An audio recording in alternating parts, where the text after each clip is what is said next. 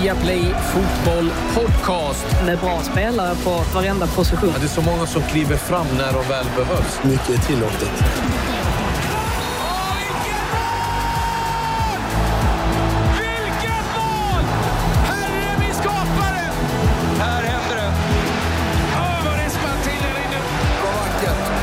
Det är bästa dagen på året. Det största som har hänt fotbollen någonsin i princip. Hjärtligt välkomna ska ni vara till ett nytt avsnitt av Viaplay Fotboll Podcast. Med mig här I Like Radio-studion, Jonas Olsson. Hur står det till? Det är bra tack. Jag är mitt uppe i en, eh, i en flytt här och sen är det mycket jobb som är roligt. Ja. Ja. Men jag sa det första gången efter min karriär jag kan säga och bottna i att jag har mycket att göra. Men vi hörde lite, vi hörde lite om en flyttkartong som har åkt världen runt. Ja, det har den gjort. Eh, på, när man gräver i förrådet nu så har man flyttkartonger som har flyttat från Landskrona till Holland, till England, tillbaka till Stockholm, över till England igen och sen tillbaka. Och, eh, som man inte har öppnat under de åren. Och det kanske är dags att rensa lite. Men jag är en samlare Ja, och sen får, eh, ja, jag vet inte vad det säger om ens personlighet, men någonting säger det. Du är ett stort garage eller ett förråd. Ja, Ja. Jag önskar lycka till framöver med, med flytten. Ja, Frida, hur har du det där borta i, i England? Det är nya direktiv från eh, Boris om jag förstår saken rätt. Ja, så småningom i alla fall. Det verkar ju som att den här lockdownen är på väg att få ett slut, i alla fall tillfälligt. Sen får vi väl se, nu, nu har vi fått dispens över juldagarna också, eh, när alla restriktioner kommer lyftas. Jag förstår inte riktigt Orimligt också. Ja, det är helt orimligt och eh, experter och forskare och allt vad det är varnar ju för att då kan det ju komma en ny våg. Så att eh, vi får se, vi får se hur det slutar, men vi, vi kämpar på här borta. Ja, senast ni släpptes ut hade ni Super Saturday när folk var på puben typ redan vid tio. Det kan bli något liknande igen. Eh, Du, innan vi går vidare, hur var födelsedagen? Jo, nej, men den var, eh, den var bra. Alltså, sett till omständigheterna så har jag verkligen ingenting att, att klaga på. Det blev en eh, trevlig dag och mycket bra fotboll också, så att, eh, jag var nöjd. Det låter härligt. Ja, du fick ju till och med gå på match eh, på Craven Cottage. Ja, en sån grej. Det var en tidig, eh, bra födelsedagspresent om inte annat. Verkligen. Vi blickar framåt. Ja, det var en oerhört eh, tung dag för fotbollen igår. Vi minns Diego Armando Maradona. Det här var ju en tid då Serie A var allra störst.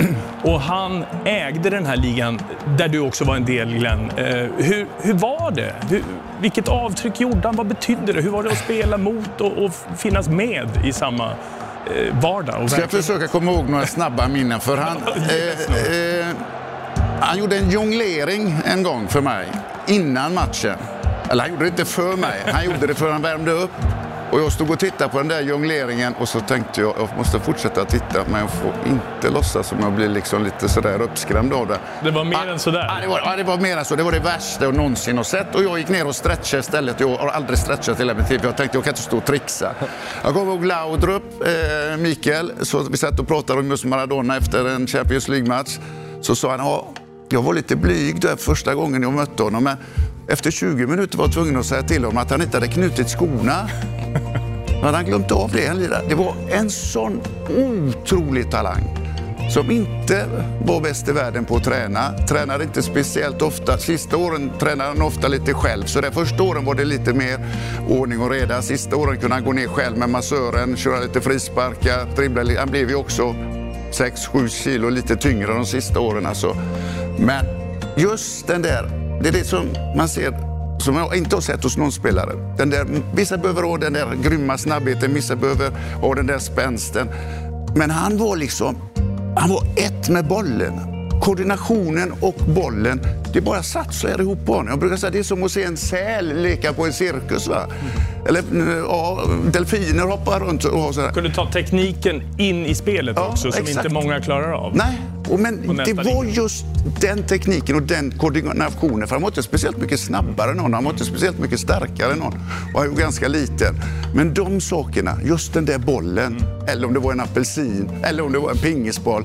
Ah, det var så enkelt för honom. Även år efter han hade slutat. Alltså. Eh, hur var han då att morsa på och vara intill på planen? Som, eh, alltså, märktes han på något? Ja, då var man ju lite tuffare. För då, var jag, ja, men då var jag ändå kapten för Atalanta. Och, eh, vi har slagit dem, vi har spelat oerhört mot dem. Och, eh, ett av de roligaste minnen har jag faktiskt. Jag spelade en charity-match med honom en gång i just Bergamo. Och, eh, det var ganska roligt för de var ju alla trötta. Vi skulle spela två gånger 30 minuter tror jag det var, men det var inga som löpte speciellt mycket. Det gick rätt långsamt och så vidare. Och han kom in i andra halvlek. Vi trodde inte han skulle komma. Nu kom han. Och så var det lite långsamt. Så sa jag Strömberg, du spelar ju på din hemmaplan. Kan inte du springa lite då så vi får igång det? Ja, det kan jag göra lite grann. Och jag sprang lite till höger, jag sprang till vänster, jag sprang bakåt eller jag sprang uppåt. Där bam, kom bollen dit. Jag bara satt där hela tiden alltså. Så få bara 30 minuter med honom på plan. Det var helt fantastiskt liksom. Och om man ska avsluta där hela då så. Jag kommer hela tiden tillbaks till talangen. För Maradona, han blev tillåten av sina lagkamrater, av sin tränare, av manager, av presidenten att göra precis som han ville. Men han var väldigt, väldigt omtyckt. Han, det är matcher, jag har ju två, tre spelare som har spelat hos mig eh, fyra, fem år i Atalanta. Och de vet ju om hur det gick till då där nere, för de spelade under tiden Maradona var där. Och det var flera bortamatcher som de åkte med bussen dagen innan, så på hotell som man ska göra. Maradona letar ju alla då. Va? Var är han och käkar frukost någonstans? Och nej, han var inte där. Han kanske kom till andra Han halvlek, eller vad? kom 45 minuter innan match, därför han kom alltid. Det var inte så han missade. En timme innan match kanske med en kompis i någon Ferrari hade de dragit upp och in, bäst på plan, så vann Napoli igen. Va? Mm. Så han var helt extrem alltså. Fina minnen givetvis som eh, Glenn har av eh, Armando Maradona, Diego och eh, det var en konstig dag. Det är en person man aldrig har träffat, man känner honom inte, men det ändå eh, känns eh, Jonas som ett, en nära vän någonstans ändå har lämnat en. Ja, och så tror jag många känner. Jag tror inte eh, man normalt blir så tagen, men det var ju en spelare och människa också som, som verkligen eh, berörde en. Jag minns ju själv då, jag var, eh, jag var 83, alltså jag var sju år. Mitt första fotbollsminne det är VM 90 i Italien. Och det var bara Maradona det handlade om. Idag är det liksom, ja, är det Ronaldo, Messi, Zlatan. Det var bara Maradona. Man samlar sådana fotbollsbilder och det man ville ha hela tiden var ju, var ju han såklart. Um, och sen har jag alltid också tilltalats av, av den typen av personlighet som går sina egna vägar. Um, som Helene var inne på, han hade kanske ett kort carte blanche som, som kanske inte gynnar honom som, som människa egentligen, men, men det var en, uh, en spelare och, och en människa som, um, som något mer än en fotbollsspelare. Frida, du, du är yngre. eh, Vad, liksom, vad är ditt minne av, eh, av Maradona? Vad, vad har du för bilder som kommer upp? Ja, alltså jag har alltid haft svårt att bilda mig en uppfattning kring exakt hur bra han var under sin tid eller under sin peak. För att det är enkelt, alltså visst det, man kan gå in och kolla på klipp på YouTube och man, man hör folk berätta men det är så himla svårt att själv bilda sig en uppfattning. Ehm, men jag tror att det var när jag såg eh, den här dokumentären om honom som släpptes ganska nyligen ändå, det var väl förra året eller två år sedan. Ehm, det var först då som jag förstod alltså, hur pass stor han egentligen var när, man, när han kom till Napoli och när han togs emot på den här fullsatta arenan. Hur, hur han i princip inte kunde ha ett anonymt liv, att han hela tiden var omgärdad av folk och av ansvar också. Att han liksom redan som 15-åring fick börja försörja sin familj och alltså på den här, den här sinnessjuka celebritetsnivån som han hade. Kanske inte så konstigt ändå att det blev för mycket till slut. Så att mitt, eh, eh, min uppfattning kring honom är ju att han verkar ha varit en fullständigt enastående spelare på sin tid. Men också att han var en, en plågad själ innerst inne. Jag kan säga det, det är inte ofta man är glad att man är gammal, eller på att säga, för 71. Men, men för mig är ju som Maradona, det var ju honom jag växte upp med. Mitt första VM som jag minns eh, som allra mest, det är givetvis 82 med Brasilien som då hade sitt fantastiska lag. Men de matcherna mot Argentina, där de liksom Ja, de mördar ju honom mer, mer eller mindre liksom på plan och han tappar det till slut och det blir liksom eh, skandal. Eh, sen kom han tillbaka 86 i Mexiko med, med allt det liksom trycket som var på att han skulle bära sitt Argentina till ett VM-guld. Han gör det liksom, och på sättet han gör det.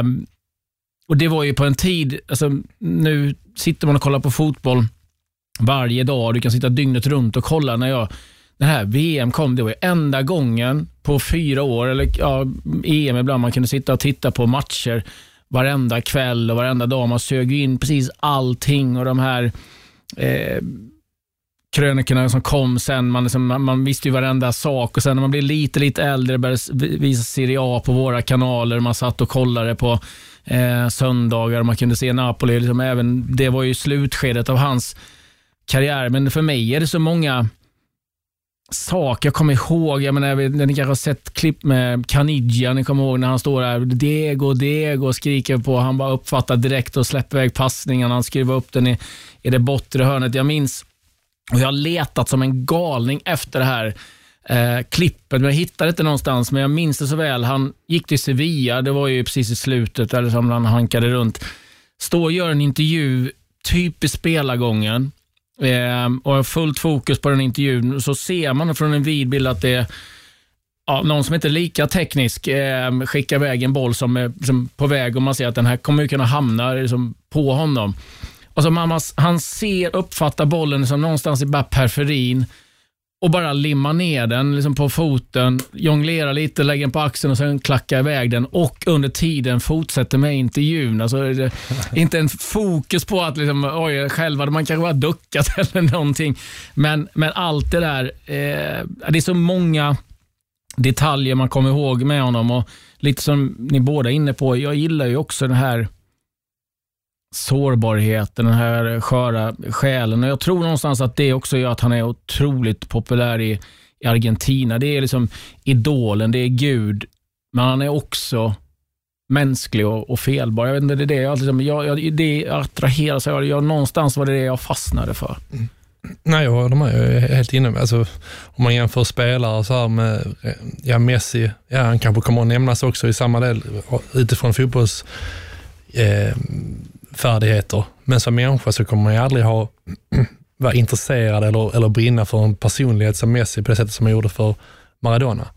Um, och, och, och, det är också, det är också, precis som du är inne på, en, en spelare som, som verkligen bar sina lag. Jag tror inte att det är någon spelare i historien som har varit så viktig. Liksom VM 86 vann han på egen hand i princip. Höll på att göra det VM 90 också, i Italien. När han kom till Napoli, de har inte varit, varit nära en titel tidigare skaffade han två titlar till dem. Och hela tiden den här kontexten också, precis som jag är inne på, liksom här, att han presterar så bra när pressen var som störst. Minns då VM ett, eh, 86 då mot England, precis med efter Falklandskriget och den otroliga rivaliteten där var.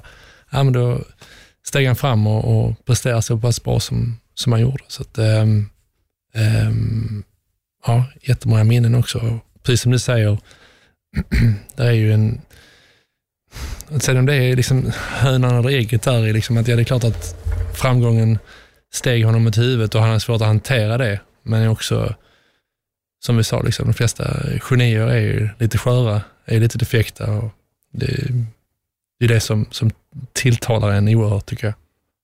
Tycker du det är så talande någonstans, Frida, lite den eh, dokumentären du nämnde där när hans fystränare sa med Diego så skulle jag gå till världens ände med Maradona, vill jag inte vara en enda dag. Liksom. Att det var, han hade två, två, två personligheter och han kanske var tvungen att skapa den också. Ja, men det, det berörde mig djupt, det citatet, för att eh, då blev det så tydligt. Alltså, kring, alltså han, han älskade att vara på en fotbollsplan och säger det också själv att när han är på en fotbollsplan så försvinner alla hans problem, Eh, men sen måste det ha varit så att så fort han klev av den så fanns det något annat som, eh, som skavde i honom och som, och som gnagde. Eh, och som uppenbarligen gnagde sönder honom på, på många sätt. Och sen kändes han ju han kändes ensam trots att han hade alla de här människorna runt omkring sig, en jättestor familj, en fru som verkar ha varit fantastisk och vilket tålamod hon verkar ha haft och, och barn och så vidare. Så så kändes det ändå som att det fanns en, en viss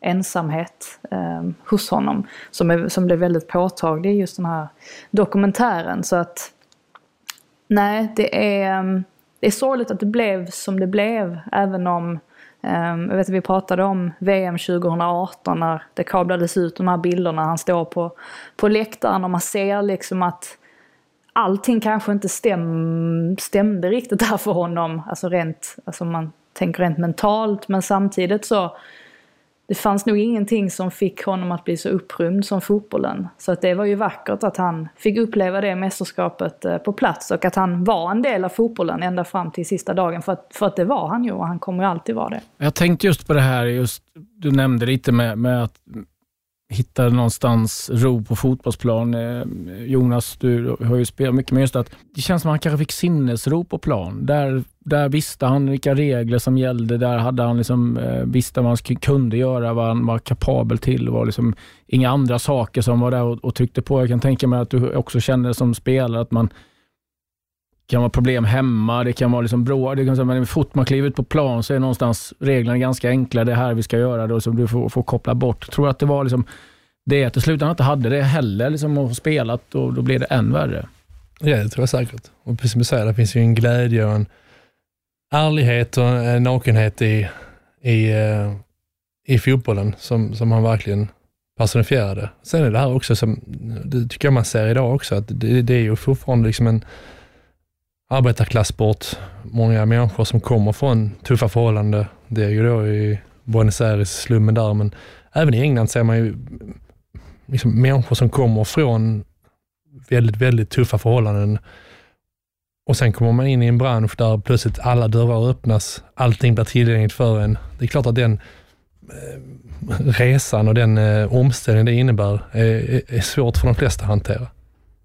Ja, den skulle jag nästan säga omöjlig att hantera. Jag var, var faktiskt i kontakt med eh, Gianfranco Sola igår, som eh, då var den spelaren som skulle ersätta Maradona i, i Napoli och brukar alltid liksom ha tid och, och vi vet att det är en gentleman ut, men Alltså jag, jag, orkar inte. Liksom. Han skickar liksom, eh, jag är ledsen, men just nu är det, det är för tungt. Liksom. Och jag var hemma hos honom med hunden, hade han till och med döpt till Napoli. Så man förstår också vad det betyder. Liksom, att han, han, påverkar så många människor eh, liksom, och det tyckte jag var fantastiskt att se, liksom, de bilderna som kom upp igår. Lite grann att stora, stora stjärnor blev som små barn när han kom in. För det var det deras nästan ouppnåeliga Gud som kom in. Ja, och en, en sak som slog mig också, eh, bara säga, eh, det var det här med alltså under VM 90 när Italien möter Argentina och alltså det är många Napoli-fans som väljer att hålla på Argentina istället just på grund av Maradona.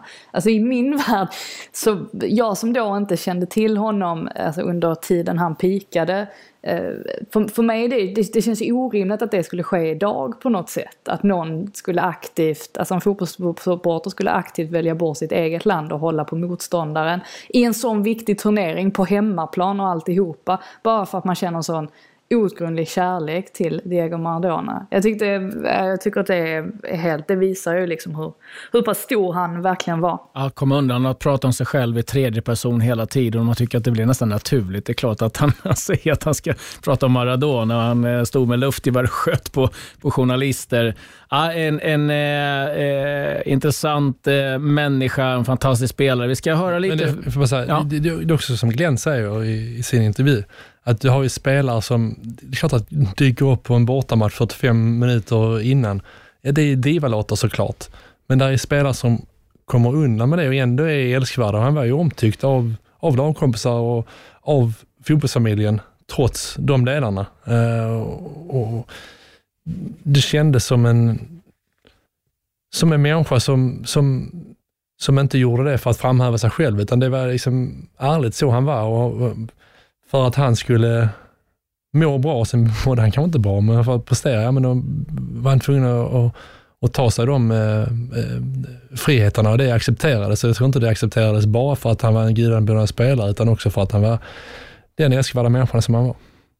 Ja, det har jag också tänkt på. Eh, nu ska jag inte säga att man har liksom sett alla intervjuer med honom genom tiderna och, och, och tidningar, men känslan var ju att han aldrig tryckte ner sina lagkamrater för att förhäva sig själv, utan han som lyfte dem hela tiden. Eh, Frida, du eh, har pratat med eh, Michael Cox, en av Englands främsta journalister, författare bland annat bakom Zonal Marking och nu på Athletic. Eh, vi ska höra lite vad, vad han hade att säga lite ur ett engelskt perspektiv om Diego Armando Maradona.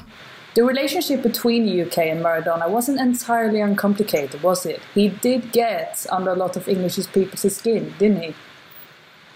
Yeah, I mean, when I was growing up, so I mean, I was born the year after 1986, which was when we met Argentina in the World Cup quarter final. I mean, I was kind of taught by my parents' generation that he was a cheat first and foremost, uh, and a great player secondary.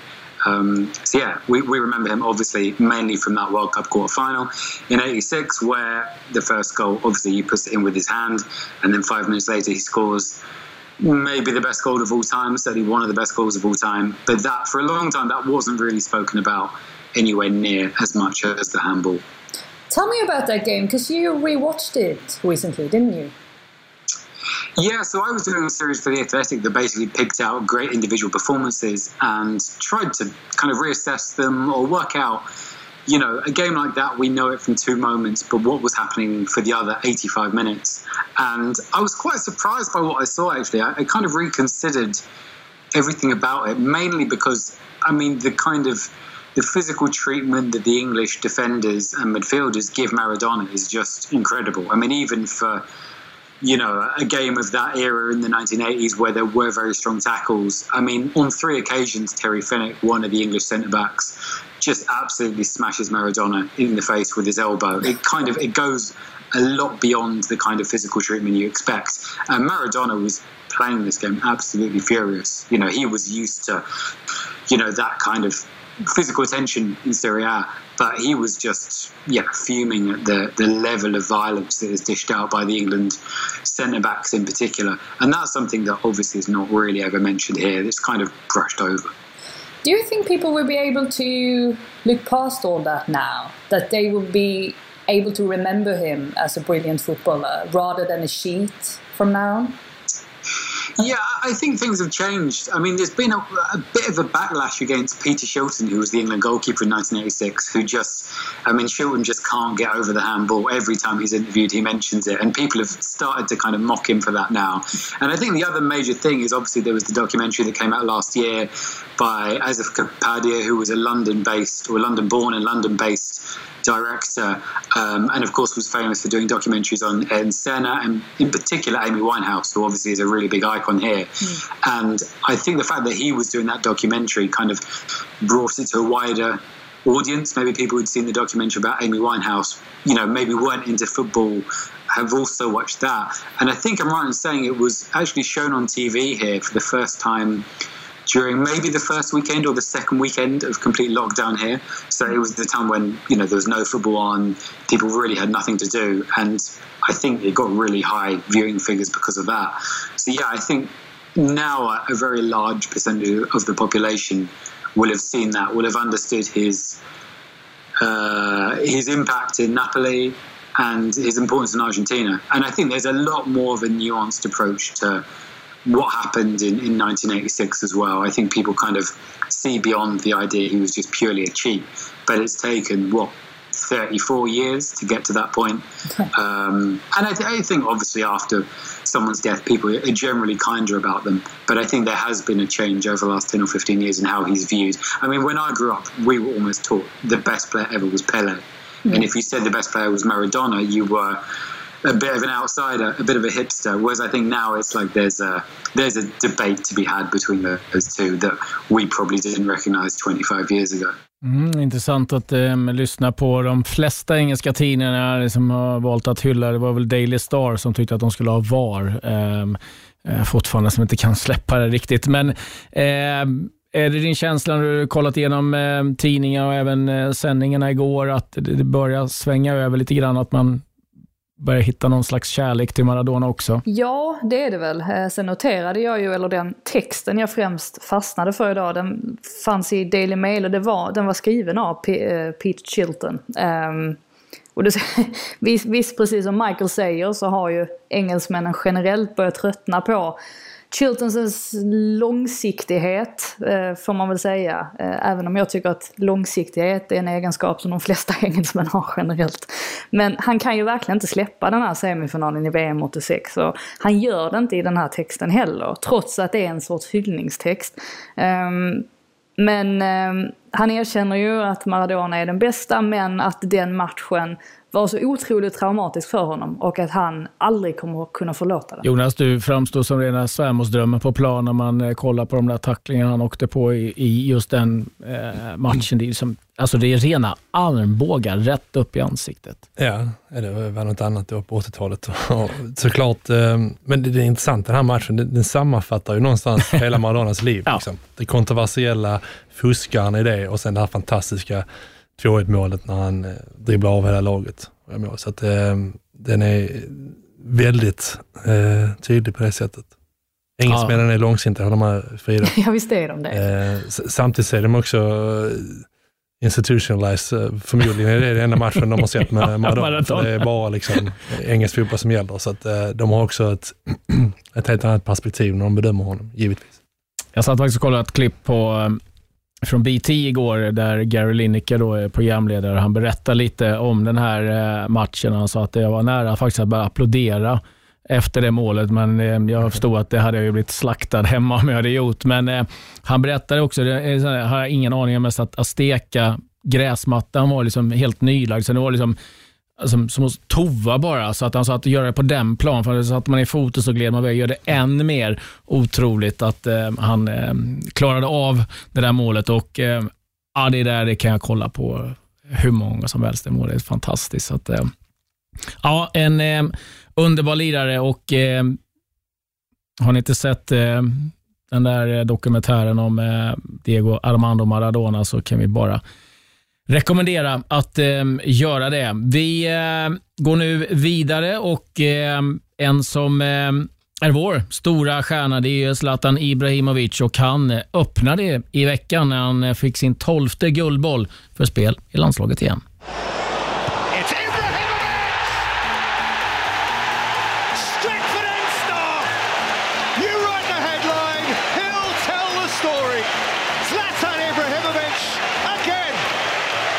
Det är då Zlatan som i intervju med Erik Niva sa att eh, han saknade landslaget, kunde tänka sig att komma tillbaka. Jan Andersson har nu svarat att eh, ja, det var intressant att höra, då får vi ta kontakt. Så att eh, nu är i alla fall de dörrarna öppna. Nu eh, Smart sätt av Zlatan och, och liksom inte ringa till Janne men ändå konstatera att jag är sugen på landslagsspel. Om det nu blir, hur ska vi spela? Hur ska vi göra? Hur ska han passa in? Ja, först och främst så, så tror jag verkligen att det blir av. Jag läste den här eh, intervjun som var väldigt bra tyckte jag, med Zlatan. Och den, jag upplever honom som mer balanserad i den intervjun. Eh, kanske för att han vill att dörren ska gläntas. Eller han är gläntad på den själv, men nu har- har Janne öppnat den känns det såklart en kontakt måste tas. Eh, jag har fortfarande uppfattningen att har man en spelare som, som Zlatan Ibrahimovic som presterar på det sättet han gör, ja, men då är han en tillgång för, för svenskt landslag alla dagar i veckan. Janne var tydlig med också att han har varit tydlig med att så länge inte Zlatan känner sig motiverad så kommer inte jag göra något försök att övertala honom. Men nu har han ju sagt, sagt själv att han saknar det, så att jag, jag tror det kommer att bli av. Hur vi ska spela, ja, det kommer ju ställa krav på Jannes ledarskap, såklart. Det är något annat att ha en spelare, en superstjärna som, som Zlatan i laget och Janne har ju byggt sitt landslag väldigt mycket på, på kollektivet. Och, och där är klart att ska Zlatan tillbaka så måste han ju också hitta sin roll i det, givetvis. Men jag tror han kan bli en, eh, en tillgång framförallt med de här yngre anfallarna då, med Kulusevski och Alexander Isak. Um, så att um, jag tror att det hade varit väldigt bra för svenskt landslag. Vad blev din spontana reaktion Frida när, när du såg de här öppningarna dyka upp helt plötsligt? Lite förvånad, eh, men också väldigt eh, glad. Eh, eftersom tajmingen var som den var så kunde jag inte låta bli att dra lite paralleller till just Maradona, även om det såklart är, en, det är ett helt annat case. Men det har funnits en liten sorgsenhet ändå av att Zlatans avslut med landslaget blev som det blev då under EM 2016 som ju inte var någon höjdarturnering. Um, och att åren därefter att, att relationen liksom har blivit successivt har blivit sämre och sämre. Alltså mycket på grund av honom själv såklart och framförallt då inför VM 2018 hur han nästan använde landslaget som ett sorts PR-trick. Så jag hoppas ju verkligen att det här han säger. Och det kändes verkligen genuint att det är ett sätt för honom att um, försöka gräva ner den här stridsyxan som trots allt har funnits, i alla fall mellan honom och,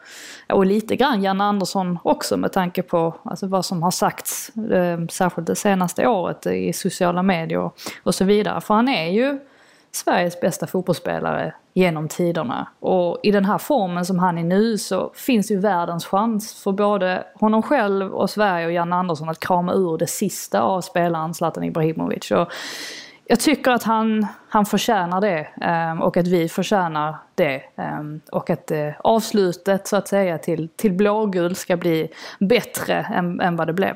Det är så mycket med en, eh, med en turnering som kommer. Ehm, du var ju med i EM 2012 Jonas. Det är, liksom, det är inte bara det som händer på plan, eh, utan det är ganska mycket man lever tillsammans under en lång tid. Och du vet ju, vi vet ju att alltså, han har en enorm karisma och eh, tar mycket plats. Det är en aspekt av det, men jag tänkte lite att det är många av dem som var med på den tiden som inte är kvar längre. Kan det också vara en fördel att liksom, det finns inte där liksom, och, och skaver kanske om det fanns någonting som gjorde innan? Fast jag måste vara ärlig och säga att jag tyckte inte det skav, skavde. Klart mm. han tar plats, men jag tyckte han alltid tog plats på, på ett väldigt skönt sätt. Och det var också ganska tacksamt som spelare, för du visste att all fokus låg på Zlatan. Och du kunde någonstans förbereda dig på ett lite lugnare sätt när du visste att du hade honom i laget. Frågan tycker jag är om man ska för man kommer inte ifrån att har man en spelare som Zlatan, ja det är klart att Janne har byggt upp ett landslag nu under många år som har presterat väldigt bra. Ja, slänger in Zlatan där i det så vet du inte riktigt hur, vilken väg man ska ta. Samtidigt så har man ju en helt annan höjd med en spelare som Zlatan och vill man verkligen prestera, vill man, vill man verkligen gå långt, ja men då tror jag man har större chans med en spelare som Zlatan. Och jag tror de här grejerna eh, utanför som, som alltid blir liksom ingångspunkten för diskussion, men Zlatans vara eller inte vara i landslaget, det tror jag att Janne kan hantera på ett väldigt bra sätt tycker han är en väldigt bra ledare. Jag tycker han har också varit väldigt bra de här åren då som Frida pratade om när han var i, när Zlatan var i USA och han eh, skickade passningar hela tiden. Eh, men Janne högg aldrig tillbaka utan han, han avväpnar de situationerna på, på ett väldigt bra sätt, vilket gör det eh, lättare nu, jag är övertygad om, om, om det skulle bli ett, ett samarbete där, de två emellan. För Det känns ju som att han har tagit en, en ledarroll i, i Milan med ett ungt Milan. Och det känns som att det skulle kunna passa ganska bra i ett svenskt landslag också, där vi har många unga spelare på väg eh, framåt och liksom oerhört drivna liksom anfallsspelare. Det, det, Frida känns ju som att det kunde vara liksom en eh, enorm hjälp för, för de spelarna också. Ja men verkligen och det är ju bara att lyssna på när Dejan Kulusevski exempelvis pratar om vad Zlatan har haft för betydelse för honom under hans uppväxt. Så att, att då få chansen att spela med Zlatan skulle ju säkert lyfta dem också till ytterligare en nivå förhoppningsvis.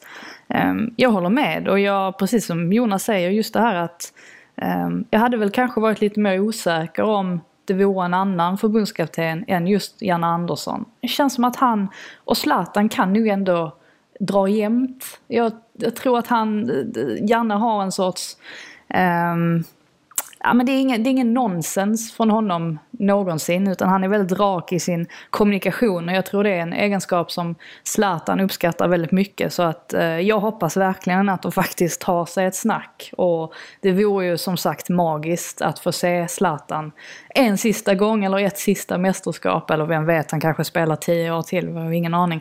Men en sista gång i alla fall i, i landslagströjan, det hade varit fantastiskt. Skulle man behöva ändra sådär jättemycket egentligen rent taktiskt och spelmässigt eh, mot vi har nu? Liksom.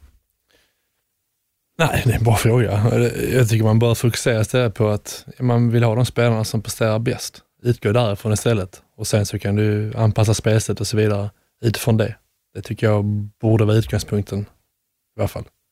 Men det är klart att, som vi är inne på, att de har, de har ju haft ett starkt kollektiv nu i landslaget och, och eh, det, är alltid, det är alltid liksom det man landar på när man pratar svenska landslag. Men varför kan inte det gå, gå hand i hand med, med Zlatan? Man ser utifrån i alla fall, så ser Zlatan alltid som någon som kommer in i ett lag och, och, och att, att, att det skaver som vi är inne på, att det är problem. Jag, jag upplevde inte det alls så när jag, när jag spelade i, i landslaget med Zlatan. Jag tyckte snarare att han var en tillgång även, eh, även i, i det avseendet.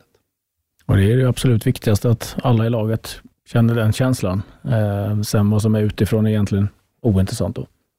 Ja, det, ja, ja, så tycker jag. Jag bara en fråga, eh, alltså en fråga till Jonas där. För att jag funderar väldigt mycket på det just när man har en sån spelare som Zlatan som har den kvaliteten som han har. Alltså kan man bortse om det än skulle finnas någon sorts schism till någon lagkamrat? Kan man som spelare bortse från det om man får in en spelare av den kalibern att kunna använda och utnyttja? Ja, absolut. Alltså, och först och främst vill jag säga att jag upplever inte någon schism med, med någon spelare när Zlatan var där. Och det säger jag ärligt. Eh, och, och, och, någonstans så, alla, alla spelarna har ju en vardag i sina klubblag och det ska jag säga, det, det, det är inte alltid harmoniskt i de, i de klubbarna. Eh, så att liksom, spelare är professionella och kan hantera det på, på ett bra sätt i de, i de flesta fallen, ska jag säga. Vi ska lite senare lyssna på en eh, intervju med Arsenals eh, och Skottlands eh, Kieran Tierney och jag passade på att fråga honom lite om hur mycket han följer Zlatan Ibrahimovic. I, I fråga dig, ask you, uh, well, I know you played with uh, uh, Michael Lustig in, in Celtic. There's another Swedish player who's uh, doing really good now in, in AC Milan, Zlatan Ibrahimovic, 39 years old. Uh, do you keep track of him? what do you say about his performances at his age? I think it's amazing to be doing what he does at his age is incredible. Um, and if he's anything to go by, like Lustig's a great guy and he played the national team with him. He says amazing things of how he trains and how he works. So yeah, for 100% he's a role model for any any kid because people expect you to be retired at 34, 35. But to be still doing that at the top of your game at his age, it's, it's amazing. Is it something you talk about with the team, uh, the way he produces? Yeah, and I think you, you even just go on social media and you can see what he's doing. Um, I don't watch a lot of the, the games in Italy, but I obviously keep track of the scores and who scores, and obviously the the he's top goal scorer I think right now. So to be doing that um, consistently for his full career is incredible. Mm, till och med skottarna har koll på vad som händer, då vet man att det är stort. Eller engelsmännen. Ja, så är det verkligen. De har ju vänt, alltså upplevde jag när jag var i England, att spelarna var väldigt, väldigt positiva till, till Zlatan, även innan han var i England. Men kritiker, stormen kommer ju ofta från, eh, från media, som den oftast gör.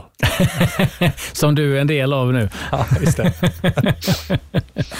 eh, vi, eh, avslutningsvis, eh, får ni svara på en sista fråga vad det gäller Zlatan. Tror ni att han kommer vara med i EM?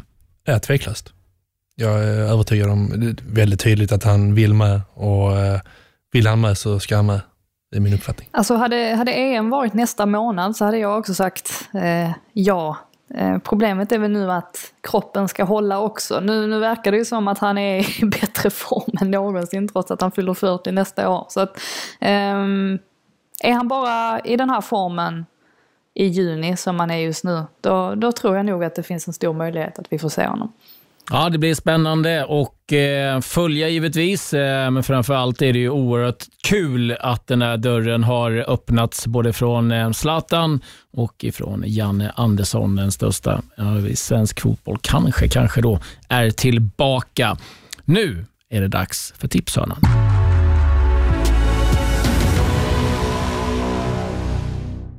Ja, det är eh, en eh, ny omgång som eh, väntar. Vi hade Champions League igår och det var ett Liverpool som åkte på en ganska tung förlust mot Atalanta där Klopp valde att rotera en del av sina spelare, ganska många av dem. men Det gick inte vägen den här gången. Och Klopp har ju varit väldigt aktuell den här veckan efter en intervju han gjorde efter matchen senast med Sky och eh, vi, vi ska lyssna lite på den. Det, det är om spelschema och eh, tv-bolagen i England. If when you don't start talking to BT, we are all done. When you don't start talking to BT, Sky and BT have to talk because if, if we keep playing on Wednesday and Saturday 12:30, you will. I'm not sure if you finish the season with 11 players. All the top six and seven. But I know you don't care, and that's the problem. Well, it's wrong to say that we no, don't- it's not wrong because we discussed it already for a long time and nothing happened. Everybody tells me it's difficult. Ah, it's difficult here, difficult there, but it's it's it's really difficult for the players. That's what is difficult. The rest is just a decision on a, on a, on a, on a, on a desk in an office.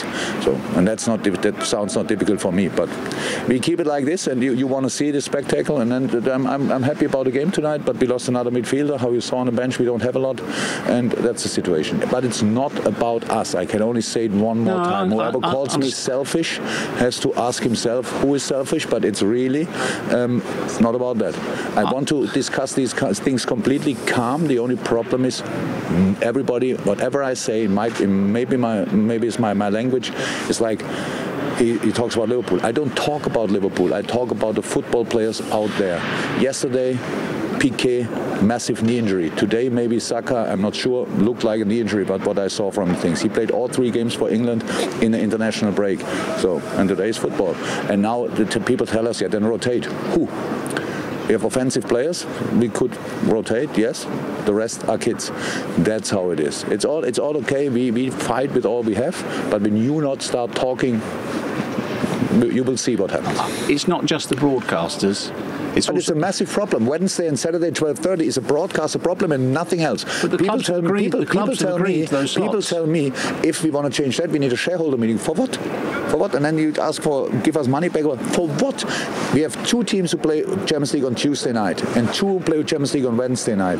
Then we have teams who play play. Um, European League on Thursday night. So what you do, because you pick first the team and then BT starts picking us. We play Wednesday night and we play the next game on 12:30. What are we doing now? We play against we play against Atlanta Bergamo on Wednesday and 12:30 at Brighton. That's an early Christmas present. We will we will show up there with a shaking.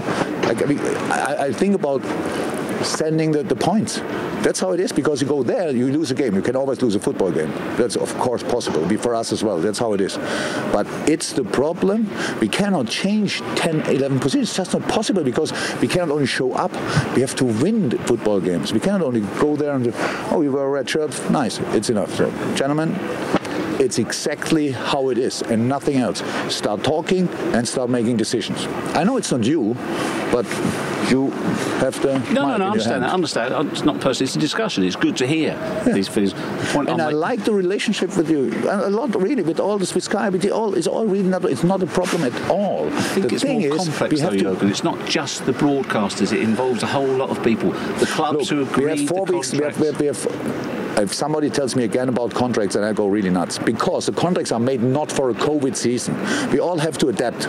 We, you adapt, we adapt. You stand here with a face mask. We adapt to the situation. Would you have thought a year ago you would ever go somewhere with a face mask and have to stand there and we cannot be closer like this? That's that's that's the situation.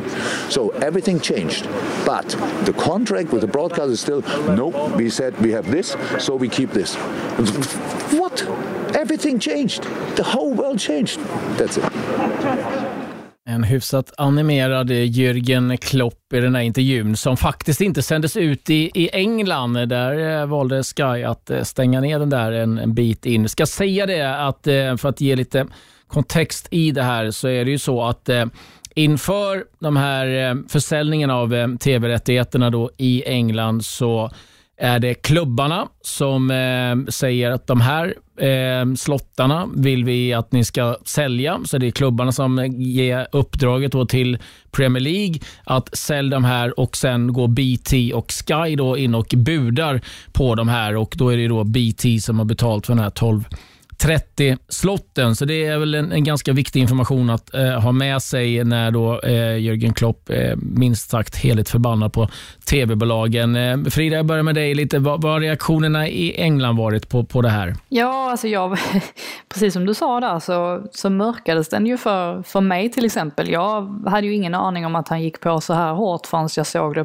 dyka upp på sociala medier. Så att det säger väl någonting att Sky tyckte att det var tillräckligt känsligt för deras del för att eh, bryta intervjun helt enkelt. Det har, varit ganska, det har varit mycket snack och problemet är väl att det inte finns någon Ja, det finns lösningar såklart, men så fort det handlar om pengar och involverar enormt mycket pengar som i det här fallet så blir det mycket svårare att lösa. Det är ingen som eh, säger emot Jörgen Klopp som ju bara skyddar spelarna och deras välbefinnande.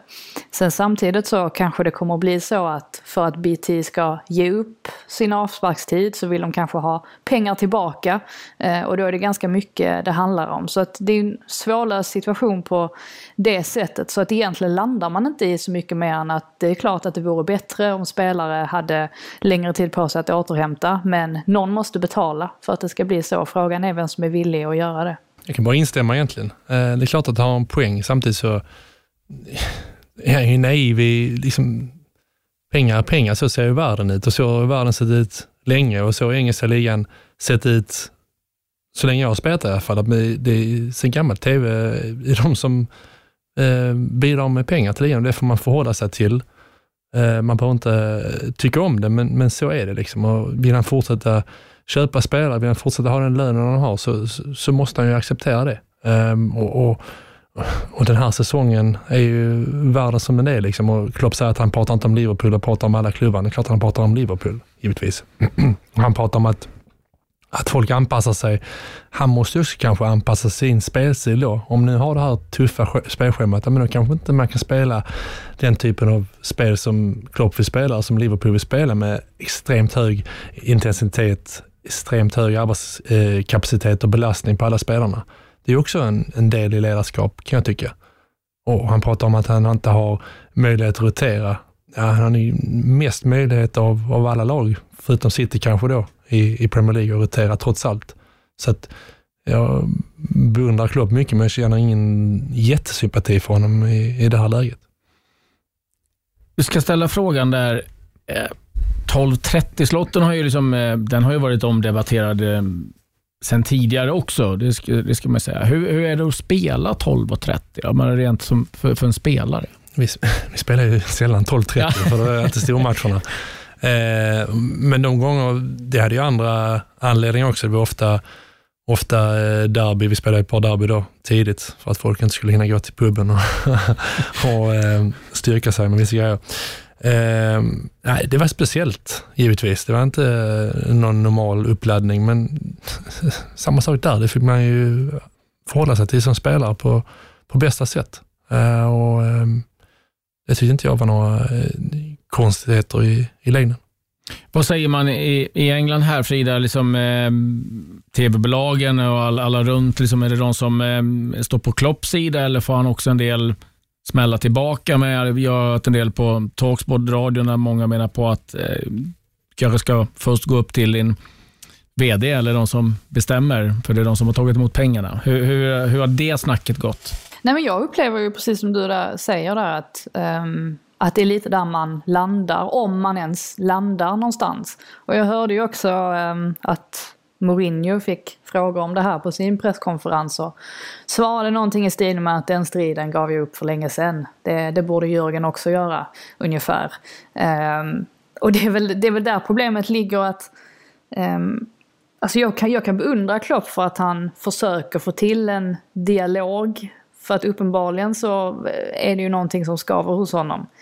Sen samtidigt så, vad är det man ska komma fram till eh, egentligen? Alltså vill man att alla, alla matcher ska, ja men ska man ta bort, precis som jag sa innan, ska man ta bort den avsparkstiden 12.30, ja då måste man ju ge upp en del av pengarna. Och då är det precis som, de, alltså som vissa säger då, att då kanske Jörgen borde samtala med personer högre upp i, i ledningen. För att um, det är ett svårlöst problem. Och det är ju som sagt, det är alltid så här när det handlar om pengar. Att någon kommer förlora på det och någon kommer vinna på det. Och det, det är ingen som vill förlora på det och då blir det så här att det, det skapas osämja. Ja, det, är, det är en hel del problematik med just nu att det är en, en lockdown som är då också krav att alla matcher ska spelas på olika tider, så att det måste liksom spridas ut. Sen kan jag väl kanske förstå, jag såg även att Frank Lampard och Solskär var inne på det, att man kanske inte behöver sätta liksom Liverpool då, som har spelat på onsdag kväll, tisdag eller som lördag förmiddag. Jag kan förstå att den irritationen finns. Sen kan jag förstå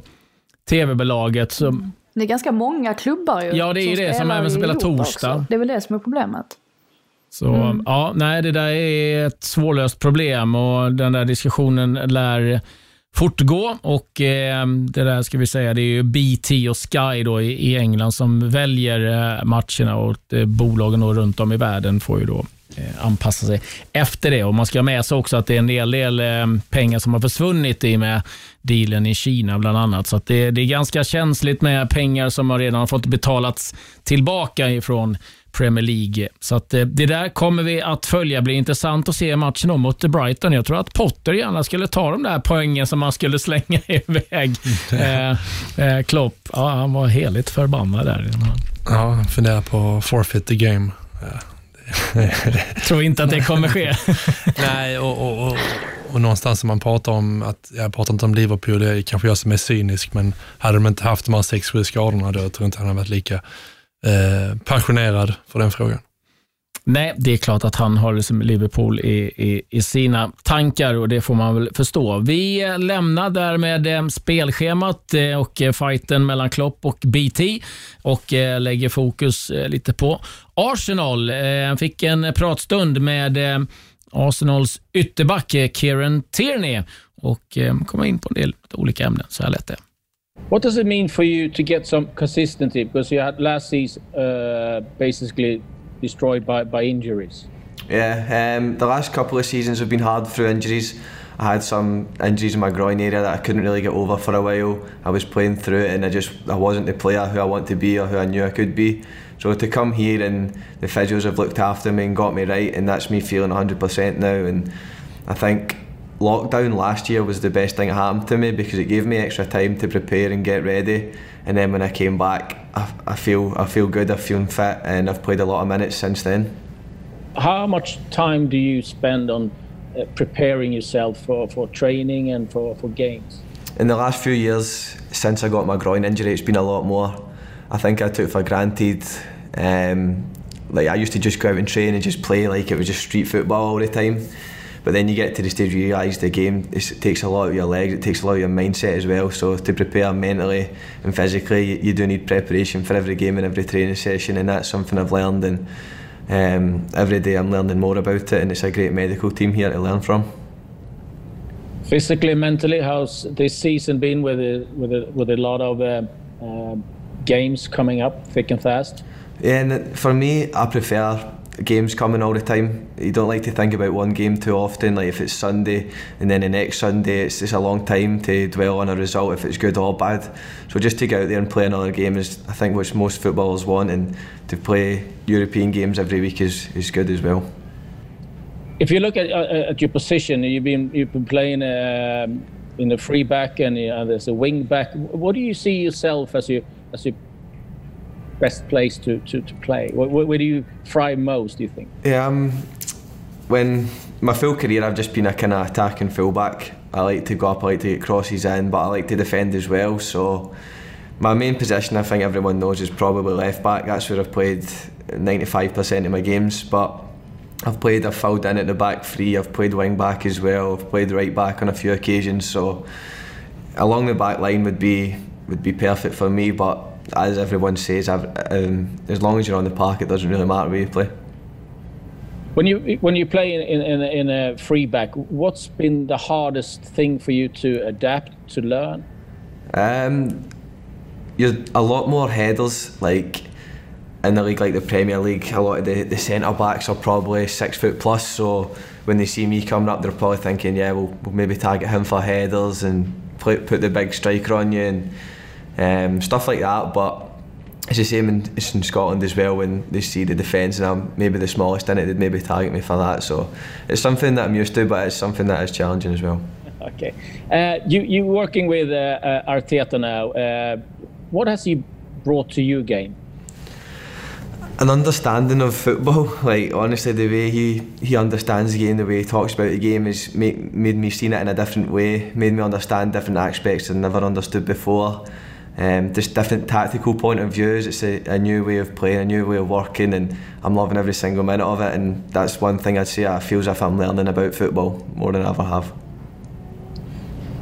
We just see uh, uh, the games, uh, the, uh, the outside uh, of it. I mean, when you say that it, helps you in that way, can you give an example of how it works with you, man management or team wise? Yeah, I would just say like when we we play against a different opposition who throw different challenges at you every single week. So they obviously him and the coaches they'll look at the other team and they'll set up how we're going to play against them and who's going to press us and if someone from a certain area presses us, who in our team should be available for to receive the ball. So stuff like that that makes our game much easier on the ball is it's brilliant, especially for a defender when you're getting high press to know where your options are going to be. And I think that's one thing. Like we want to be one brain as a team, and I think we're working towards that, and we're going in the right direction.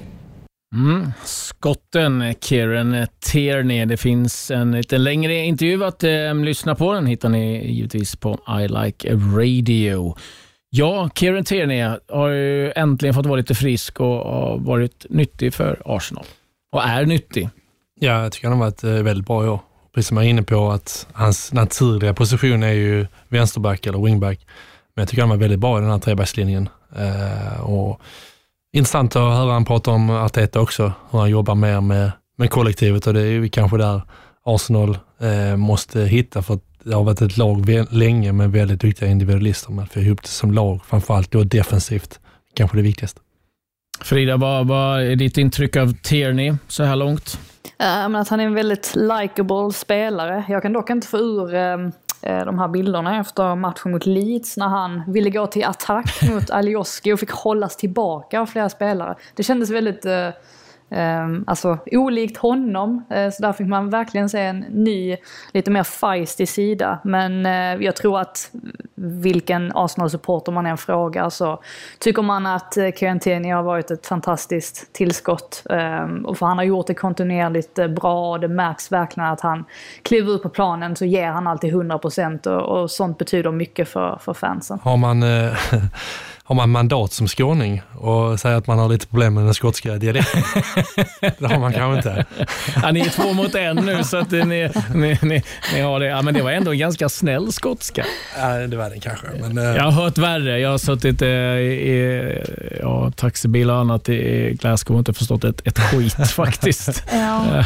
Jag håller med. Jag tycker, jag tycker Glasgow är lite, det är lite svårare när man är där. Alltså, vi befinner sig liksom i, i den staden och förstår vad de säger. Det märks ändå att han, har, han måste ha dragit till med lite så London-dialekt. Men det var ju också, ehm, det har han ju själv sagt, att det var ganska svårt för honom att akklimatisera sig i början inledningsvis. För att han är väl uppvuxen på Isle of Man till och med, ehm, en ö. Så att, eh, att komma då till, alltså visst han spelade för Celtic som är en, en stor klubb men att komma till Arsenal och London är ju en helt annan grej. Så att det är kanske inte så märkligt heller att det tog lite tid för honom att um, komma på plats helt enkelt. Nej. Musikgrupp från Isle of Man, Klasse, har du den?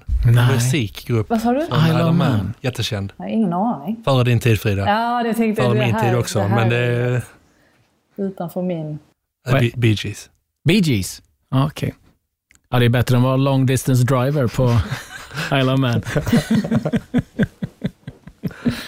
eh, eh, ska jag säga det, eh, just det med, med skotskan. Eh, jag satt på en restaurang och eh, blev eh, frågad om jag skulle läsa upp the Tonight's Specials. Och Jag satt och lyssnade. Jag, kan säga, jag hade inte en aning om vad jag hade fått käka om jag hade tagit det. Så jag vänligt men bestämde jag kan gärna titta på menyn här. För jag hade kunnat få in precis. Det, det enda man vet är att det är inget menyn som är gott. Nej. Pasta är faktiskt väldigt gott i, i Glasgow. Det ska säga, åker ni till eh, Glasgow, för det bor väldigt, väldigt många italienare i eh, Glasgow. Ja, det är sant, Där träffades ja. faktiskt eh, Gattuso, sin fru. Bara en sån sak. Mm. Eh, lite bonusinfo eh, där, men eh, en trevlig stad annars. Eh, ja, jag gillar den. Eh, Frida, vi var ju ganska eh, snabba på eh, programmet idag, så jag tänkte, hade du några nyheter som du ville berätta som vi tänkte kan avsluta med? Ja, men vi kan avsluta med en glad nyhet kanske, som ni säkert redan har sett. Men alla har kanske inte sett att Alan Pardew har gått och blivit teknisk direktör för CSKA Sofia i Bulgarien. Han presenterades av klubben med orden “den engelske fotbollsspecialisten” och väntas bidra med erfarenhet, kontakter samt en dragningskraft för att locka över spelare. Det är bara att önska honom lycka till. det blir säkert bra. Ja, herregud. Ja, ja, det, han har inte fått den rekommendationen ifrån, från Newcastle i varje fall. Nej, inte från West Brom heller kan jag säga. Nej. Hade du honom? Nej, men uh, jag lämnade ju precis innan han kom. Och, um, pratade med några lagkompisar, jag ska inte nämna namn, men eh, Eh, de var ofta kritiska mot tränare. Men frågan är om jag har hört mer kritiska ord än, än eh, de hörde om, om Alan Pardew. Ja. Ty, tyckte Oj, väldigt bra om sig själv. bulgar. Ty, tyckte själv att han var en fotbollsspecialist också. Kanske han som har skrivit det här pressreleasen. Ja, det är inte Ado den här, det var Ja, inte säkert. den här heller kan vi säga. Det, eh, nej, han har inte sett liksom, eh, fotbollsvärlden eh, on fire, eh, så kan vi konstatera. Eh, McLaren är tillbaka också. Han ska vara någon teknisk rådgivare i Derby, femte gången han är tillbaka. Och eh, jag såg nu här Frida att det kommer upp eh, uppgifter också om eh, de här nya restriktionerna vad det gäller publik. De som kommer få 2000 eh, är då Tottenham, Chelsea, West Ham, Crystal Palace, Arsenal, Fulham, Liverpool, Everton, Brighton och Southampton. Och De som då är i tier 3 som inte får några fans alls, det är Aston Villa, Wolves, Manchester United, Manchester City, Newcastle, Leeds, West Brom, Sheffield United, Leicester, Burnley. Men de som hade fått två fullt blås, 4000, det är eh, Isle of Wight. Det är Cornwall och Isle of Scilly. Och Scillyöarna var jag faktiskt på väg till, för där eh, är ju världens minsta liga. Känner du till den?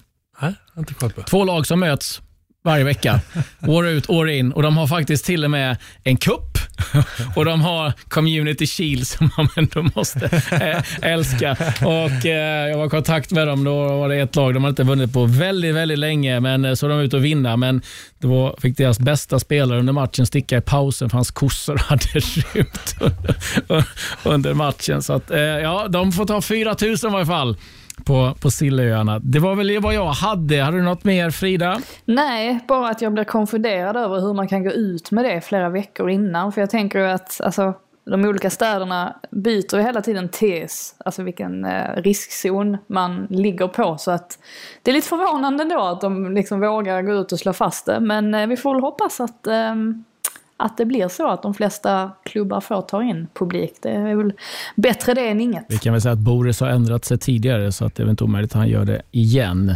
Eh, Premier League-studion till helgen eh, gästas av eh, Poya Asbaghi på lördag. Nu eh, ny förbundskapten för U21-landslaget och sen eh, så blir det en intervju också med Graham Potter inför deras match mot Liverpool. Men eh, nu tackar vi för oss och eh, det finns väl inget bättre sätt att eh, avsluta det här programmet eh, genom att eh, lyssna på Diego Armando Maradona sjunga La mano di Dios, eh, en eh, sång han eh, framförde i eh, dokumentären Maradona by Kusturica. Nu lyssnar vi och njuter. En una villa nací, fue deseo de Dios crecer y sobre